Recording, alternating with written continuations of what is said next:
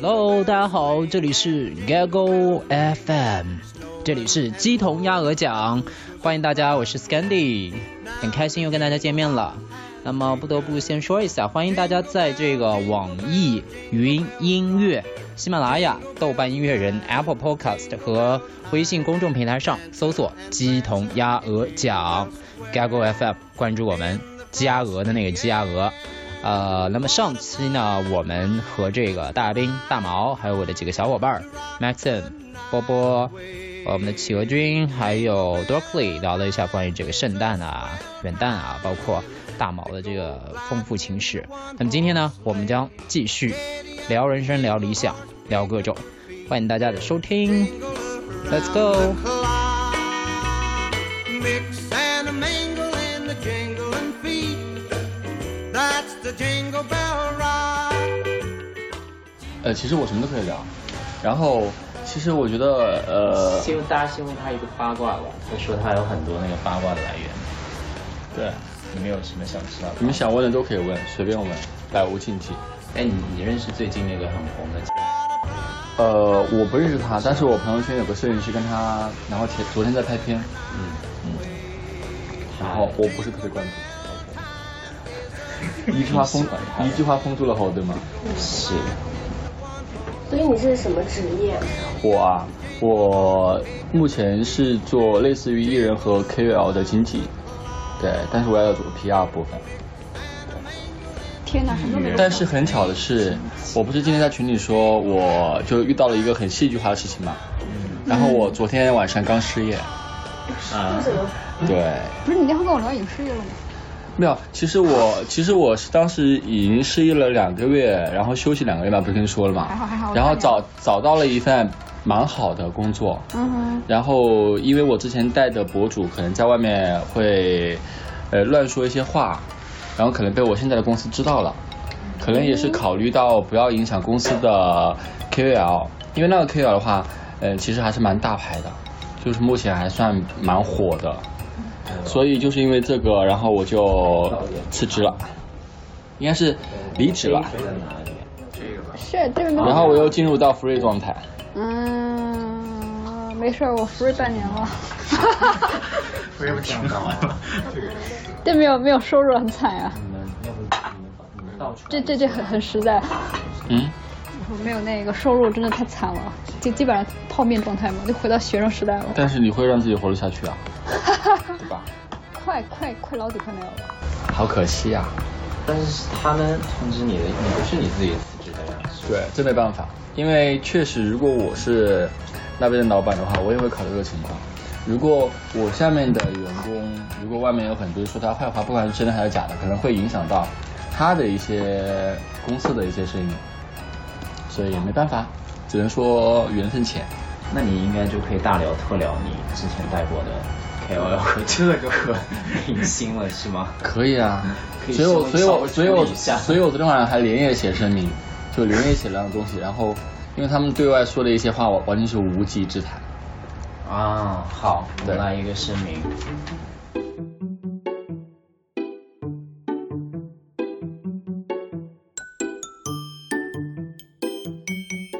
我昨天，我昨天坐那个出租车司机的时候，我刚刚跟逍遥说，那个出租车司机是山东人，他在上海十几年。我在跟我朋友聊天，我还有另外一对 couple，他们俩是俩是两也是两个男生。然后我在聊我的感情嘛，然后他突然问我坐在他旁边的那个人说：“你后面那个朋友是不是香港还是台湾的嘛？”然后我说：“对，他觉得我是香港的，我说我是台湾的。”然后，然后他我们就在聊聊得很开心，呃。然后我们就问他，哎，那师傅你觉得哪里人素质最好？他说，就是你们香港和台湾那边的人素质最好。然后，然后我就说我不是，我不是，我是四川的。然后我跟他说四川话，他说不行，我他啊说我做了十几年了，你你肯定是四川，你肯定是台湾或者是香港。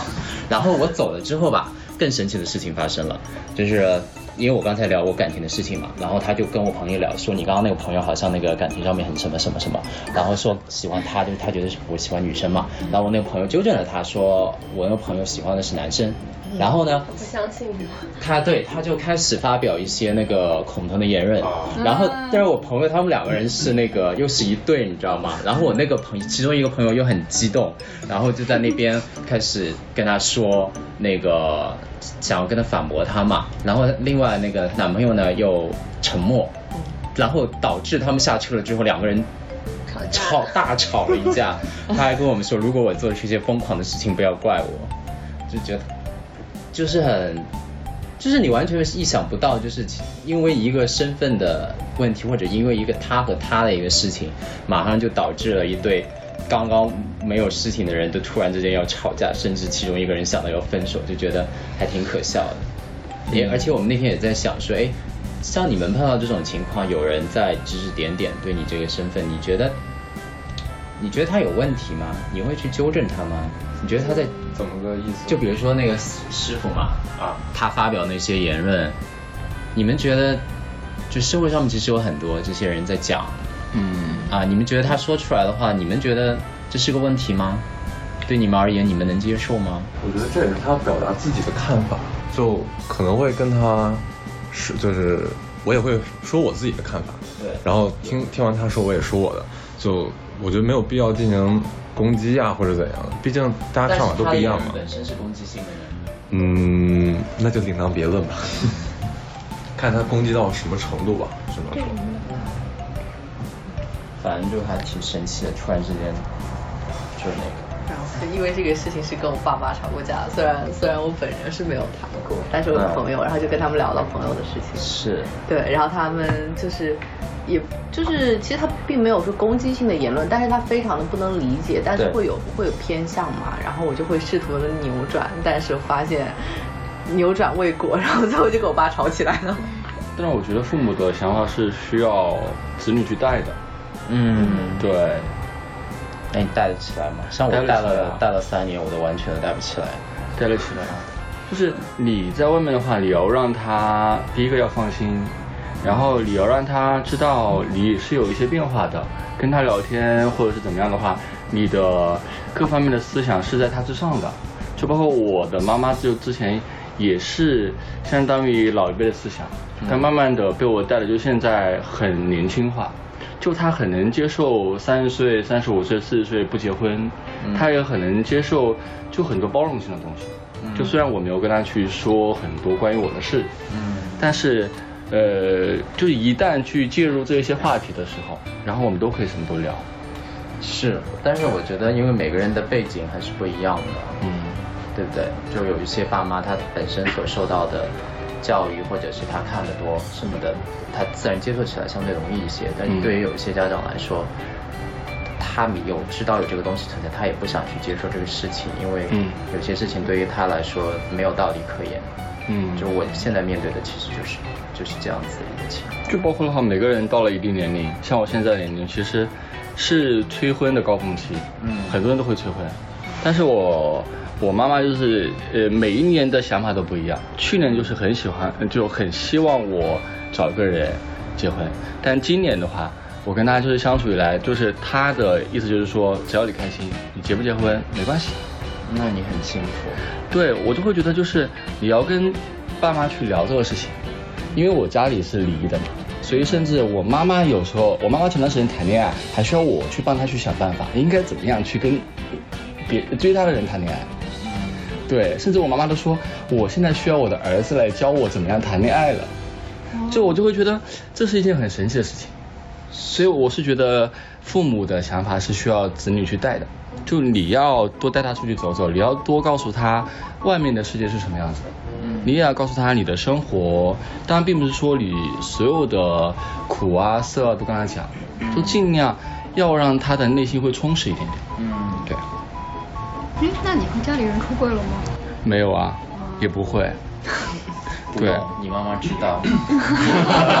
没有，他应该不知道。但是我们我回老家的时候，他们都不会担心，就不会担心我未来的一些事情。对，因为呃，因为按照他们的一个想法，其实我在外面也也算很多年了。我来上海了，其实目前不管是各方面啊、工作啊，虽然我现在工作失业，不管啊还是我之前的薪酬啊，其实呃，他就是回去的话，随便找个人还是挺好找的。随便找个人。找个人，你是找个女生吗？还是找什么人呢？就是按照他们来说，就找个结婚对象。但是我，但是我是不想结婚的，因为我觉得结婚，第一个，呃，我觉得每个人要为自己活，而并不是说为了家里催婚生子女而结婚。第二块的话，我觉得，呃，我前二十年基本上都是别人在帮我做主，我希望后半生的话是我自己给我自己做主。所以这也是我跟我妈妈传递的一个概念。我就是到她当时催婚的时候，我就说你幸福吗？我妈妈就说我不幸福。我说那你既然不幸福的话，那你希望我结完婚之后幸福吗？她说我不希望。我说那不就得了呀。然后我妈就说：“我希望你开心。如果到了三十岁、三十五岁你还没有结婚，我就一辈子都不会催你。只要你开心过得好，我就 OK。”给妈妈。对，所以我会觉得，呃，这种情况我觉得我特别特别喜欢，并且因为因为从小到大的话，其实我遭受过很多很多的一些挫折。然后我跟我妈妈说过一句话，我们俩达成共识，我说如果未来有一天，不管呃任何人说我怎么样，不管是好的话还是坏的话，我不希望别人相信我，我只希望全世界只有你一个人相信我。对，所以我觉得有时候还是可以深入的去跟父母去聊很多很多的一些话题。是，对。我突然觉得可以做一档亲子类 的，就是可以采访一些家长，我觉得这个很有意思。因为说实话，现在大家就是跟我相信大部分的子女跟家长的沟通都很少。你可以嗯想，我从来没有，几乎很少可以跟普通的，就比如说五十几啊、四十几啊那种，有一些你知道对谈，有一些交流，对吧？我们就基本上都是在跟同龄人之间有一些交流。我觉得这个就是可以看看他们的一些，呃，世界，看这个世界的一些想法和我样不一样哦，我身边的同龄人很少，我身边关系好的、平时聊天的，基本上都比我大。真的？对，大大多少？呃，因为我现在二十八岁嘛，嗯，差不多一般身边的三十五啊，然后左右三十啊，因为我觉得跟年龄大一点点的人交朋友的话，其实你的内心会收获很多东西，也会聊很多东西，对，并不是说不能跟年龄小的人做朋友，嗯，现场有比他年龄小的 吗？应该有吧要被他屏蔽了。哪哪？我九零的，所以刚才我们聊的一些话题，只是呃接着你的话题去聊的，只是披露现在的一个大环境，对吧？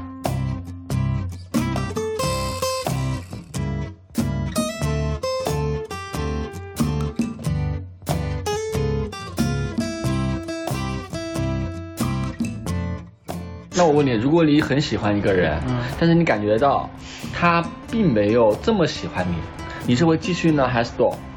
我如果喜欢他，他没有那么喜欢我，对你感觉到了，我还是会尝试的。对啊，就我不，因为我进入一段感情不是为了结婚或者是怎么样嘛，享受过程嘛下来。对啊对享啊，受对啊过。程你呢？我就点到为止，就看如果是发生了就好，是吗？对睡过了就可以了如果试到之后发现还是保持原样，那就放弃，不会一竿子一直打到底。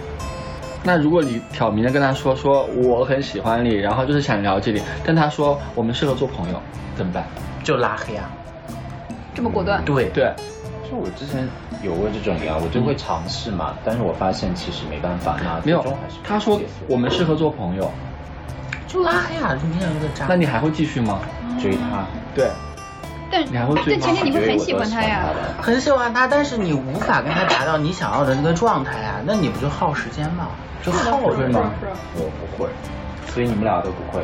我是属于那种如果我一旦喜欢他，他不喜欢我的话，我立马 stop。对啊，那你们是很有尊严，但是往往说喜欢一个人的时候，你的尊严就消失掉啊了。不是尊严，是不想把时间浪费在一个不喜欢你、对，不喜欢你的人身上。但是你也，我们听过很多人，他持之以恒，他坚持了。当下他说不喜欢你，嗯，你坚持跟他相处在半年，可能他就会喜欢你了。但是别人已经跟你说了呀，我们适合做好朋友，不适合做情侣。那只是他当下的感受。我觉得这有就些是有些人就是要相处才能。他只要第一时间没说他喜欢你，他肯定就不没不有喜，欢。因为他对你已经没有好，就你是怎好么感努力度都已经达不到他心里最高的对，就是是没有好感那，你们会吃回头草吗？哦不会，不哎会，从来不不会会， 你们两个好像哦，从来不会。不是一个星座。因为他有些人一口，他是会改变的呀。 我觉得他改变也是，我觉得他的改变，我觉得他改变肯定是前提是他也没有找到他，他用你来就是你也不知道他是因为感动还是他可能就真的就觉得你好呢，不是所有的爱情都是一见钟情啊。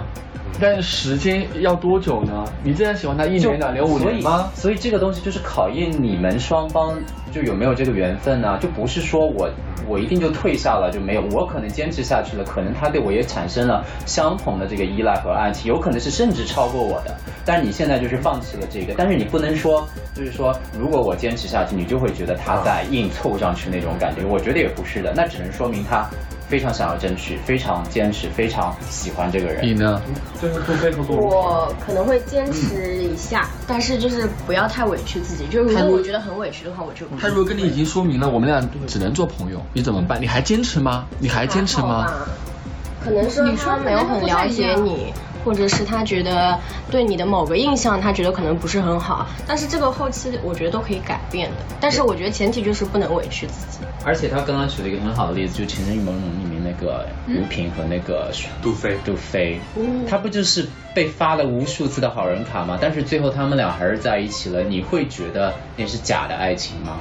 我看的时候，我依然会觉得这也是爱情。但你不觉得，如果陆如萍有一个就是那个那个男主角舒缓，对，如果他遇到了舒缓，那就不会选择杜飞啊呀、所以就没有最后就没有跟舒缓在一起？那就是他们的感情里就设定你就觉得不能遇到舒缓。我觉得他是被如果遇如到舒萍缓打，呃，们他是被关系舒缓打动了，嗯就不存在舒缓不喜欢他。对啊，那是因为另外一个人拒绝 了他，所以舒缓拒绝了那个人。所以你觉得卢平和呃杜飞的爱情是低于依萍和舒缓的爱情吗？我觉得是这样的，我如果他遇到了自己心里最高我的觉那个得理只是想不，一他肯样定而会已放弃你的。。我觉得只是不一样而已。依萍和舒缓就是一见钟情，两个人就是他们干柴干柴烈火。对，但是有其他人的爱情，它就是娓娓道来的，它需要经过很多的障碍。它像一个长跑一样，它跑到了终点，它坚持住了，他们俩产生了爱情，这个爱情依然一样伟大。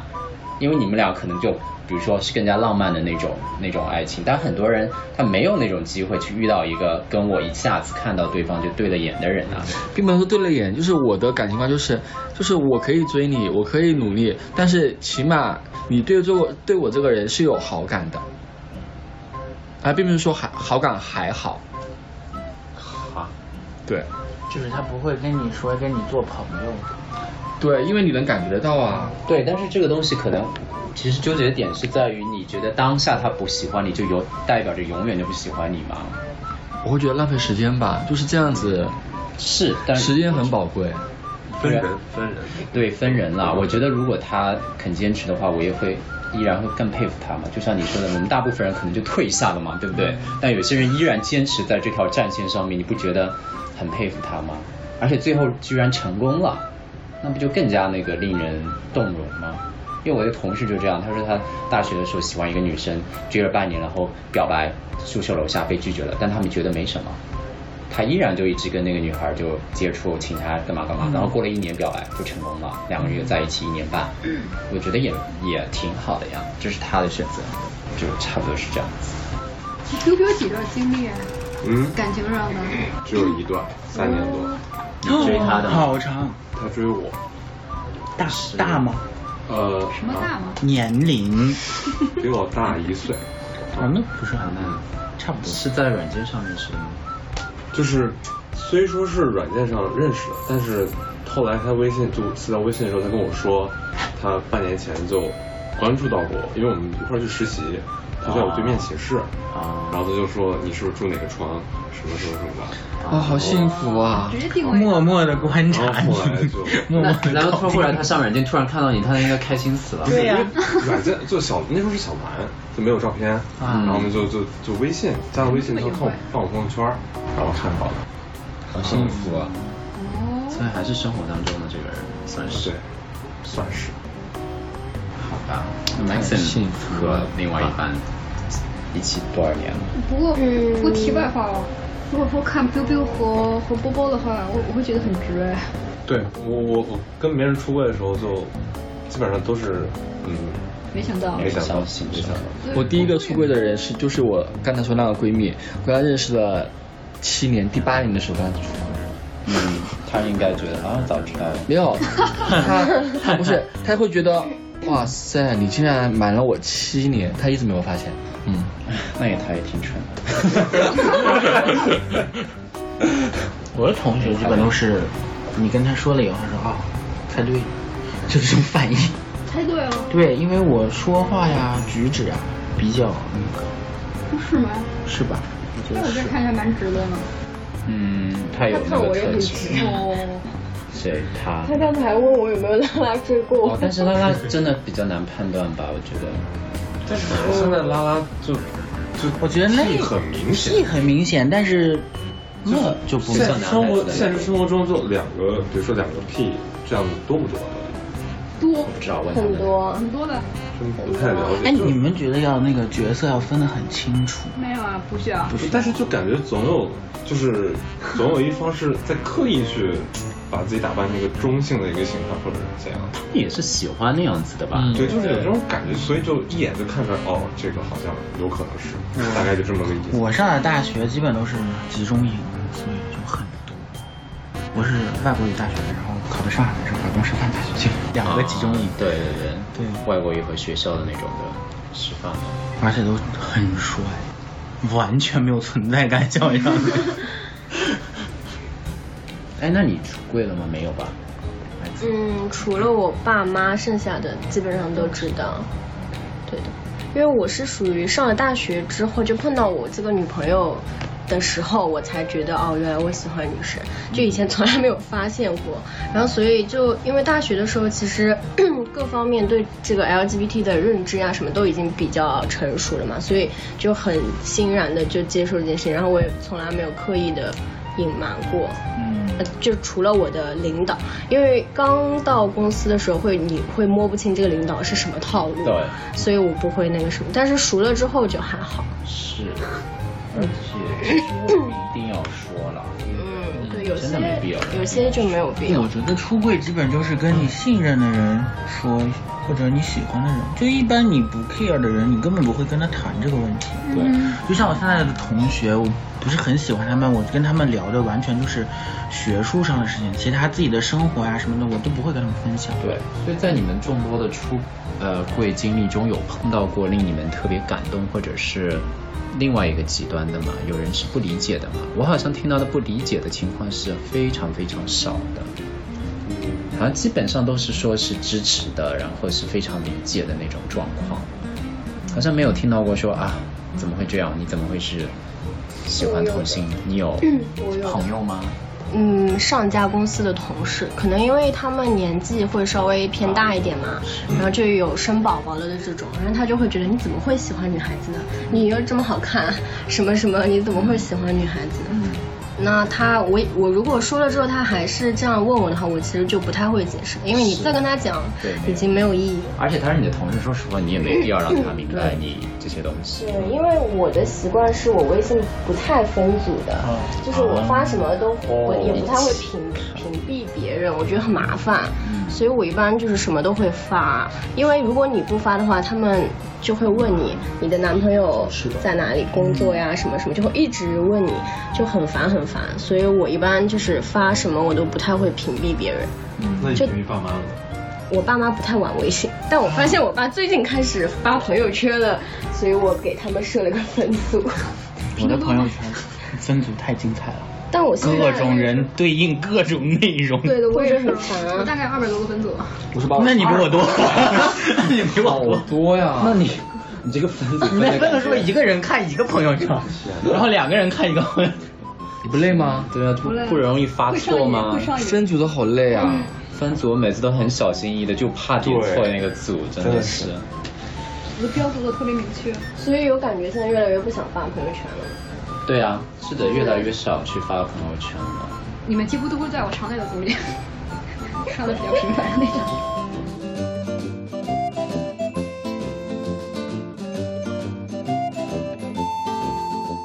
对，哎，你们有没有看最近两档综艺节目？一档是《深入人心》，嗯里面有很很多很爱看。对啊，我也很喜欢看，我来的时候就在看那个。有很多好看的那个小哥哥，然后据说里面那个什么很多，真的吗？嗯，应该是按比例来讲，学习这种声乐的啊比例我就是啊确实要多。哎，那你高歌一曲啊？我就学声乐的呀，那声来乐一的个呀吧。真假的？啊真的 呀？你这样把自己挖了个坑哦。那我们现在不是我不 Q 你都不行了。哦来不用一 call 曲什么？今夜无人睡入眠吗？啊，那算了 吧，饶过我不吧是。你都学声乐了，你不来一个作为跪下观众的福利吗？但这个节目真的很好看。对，嗯，你们有看吗？我很喜欢里面的陆雨鹏，啊，就那个耳朵有问题的那一个嗯小男孩，我很喜欢他，我觉得很真实。我我也对蛮喜欢的，我喜欢的那个人跟他是很像的。那个？我现实当中。现在吗？对，跟那个陆雨鹏挺像的。啊，还有一档就是《奇葩说》，大家都有看吗？那个结束了吧？对，结上束星期了，结束上星了期结束了。那个节目蛮好的，但我感觉他现在纯辩论的我不是太喜欢了。我最喜欢的还是第一季、第二季。哦，这一季我很喜欢傅首尔。哦，我也喜欢。傅首尔应该在的话，他应该是冠军，哦我觉得。啊我觉得他他说的比较有感染力。哇，他他这一季真的很嗯强。啊我觉得他特别个人特色，讲什么对都很好笑，嗯但是对他冠军肯定是不可能的。不会吧？我觉得他很有冠嗯军可之能力。的，他那你就是觉讲得段子除了陈明以外，还有谁能拿冠军？我比较喜欢陈明、呃詹青云哦，詹青云这两位嗯是我最喜欢的、他们其实他们是从小就打辩论嘛，他们的逻辑性很强，对啊，技巧性也很强，然后稍微加一点综艺感，其实很容易俘获人心。我觉得，就像你像潇潇，他成长了四季才能拿到冠军。我上一季很喜欢潇潇。嗯现在就感觉现在我觉得也还不错，因为因为我觉得如果生命中有一个潇潇这样子性格的朋朋友友，我觉得我觉得很好，很好，哎我 也觉得。对他他的性格确实很好，然后他会为了一些东西去改变，我觉得也很好。那熊浩呢？熊浩很多那个统治性。熊浩你可以去找他，熊浩他是吗复？旦的。 熊浩那个复旦的教授，副教授。熊浩适合过日 子。对， 熊浩是吗？我不知道，应该去问问复旦的同学。单身，反正是。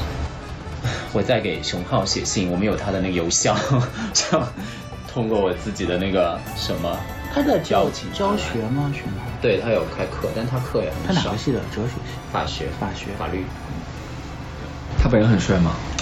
挺还行。长得挺怎么说呢？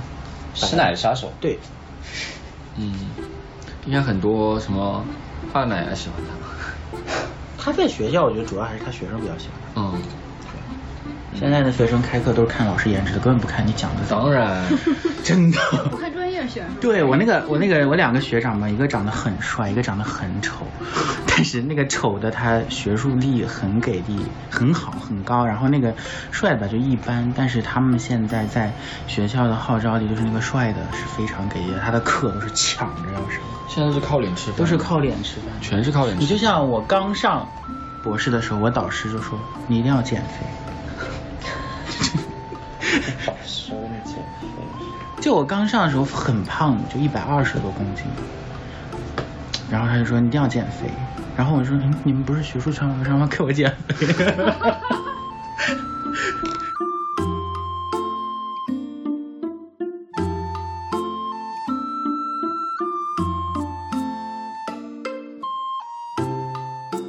可以讲自己的故事，也可以继续向我们的大来宾大毛提问。 Hello，我还在哦，有巨多的故事，我还在哦。 来问个八卦调解一下。他哎真不的是带经纪人、艺人和 KOL 这种吗？你们都不好奇他带的谁吗？这最有名的是这能问吗什么水平？最有名的吗？呃，呃，最有名的他其实他的女儿还挺出名的。女女儿对啊，他有一个女儿，娱乐圈的吗？就啦。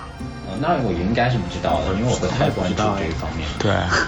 对，因为要他关注这个圈子。他目前算是中国就是第一个最大的吧。他他有男朋友吗？他哎，说实话，我其实并并不了解他的生活，啊、然后我也我是属于那种不喜欢问别人太多生活方面的一些东西。是，既然你们是工作关系的话，对我觉得还是要拎得清一点点。因为在上海的嗯话，我喜欢上海的原因是因为我喜欢上海人的冷漠和拎得清。 冷漠。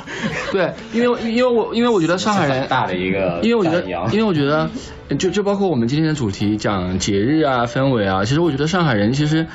呃，对外来人或者是对有些人，其实还是比较冷漠的，他们会比特别特别拎得清。对，对，所以我觉得当工作跟私人可以分开的时候，我觉得尽量分开，要不然这样子的话会混淆为一谈的话，我觉得可能也不太好。可能是你认识的上海人吧。嗯，不要 generalize，就是对。但是我觉得昨天那个坐车的司机也是这样，他在上海生活了十几年嘛，他也觉得上海人比较冷漠。但是这个是个人的经历啦，我我有身边有一些上海的朋友，我就觉得他们也很好啊，没有什么特别不一样的地方。对，当然也有好的呀。对，但是你刚刚说了一个很好的点，就是我们现在在聊节日，但是反而那个节日的时候，我们更加感到孤独和那种什么的。对，其实节日的时候，你你更加希望你的内心充实一点点。对，就不管包括你一个人去做一件喜欢喜欢做的事情，或者是你跟朋友办 party，其实都是为了内心的充盈，而并不是为了这个节日去怎么样。嗯，节日对，只是一个契机。嗯，对。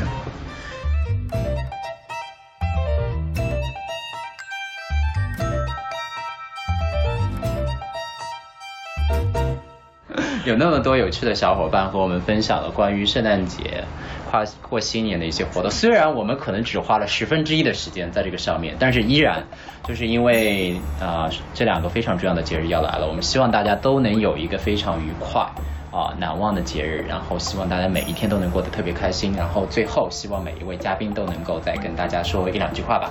大毛先开始。希望每个人都能找到一个有趣的人，跟他做一些有趣的事儿。希望大家二零一九年能够所有心愿都达成。希望大家二零一九年能开开心心的度过自己想要的每一天。找对象可以找狮子座的。对的，我同意。好，特别感谢各位。那么我们今天就这样喽，我们下期节目再见，拜拜拜拜。 Everybody waits for Christmas. For me, it's New Year's Day. That's gonna come and take my blues away. I'm wishing on the stars for Christmas and hoping for a better day. When it doesn't hurt to feel this way. And everywhere there's joy around this festive time of year. But happiness has never felt so far away. All of the bells ringing out for Christmas. I'm singing goodbye to the year before. I know that the next one will be different. So much more. All of the bells ringing out for Christmas, and I'm not supposed to feel this way. But all that I want this year for Christmas is New Year's Day.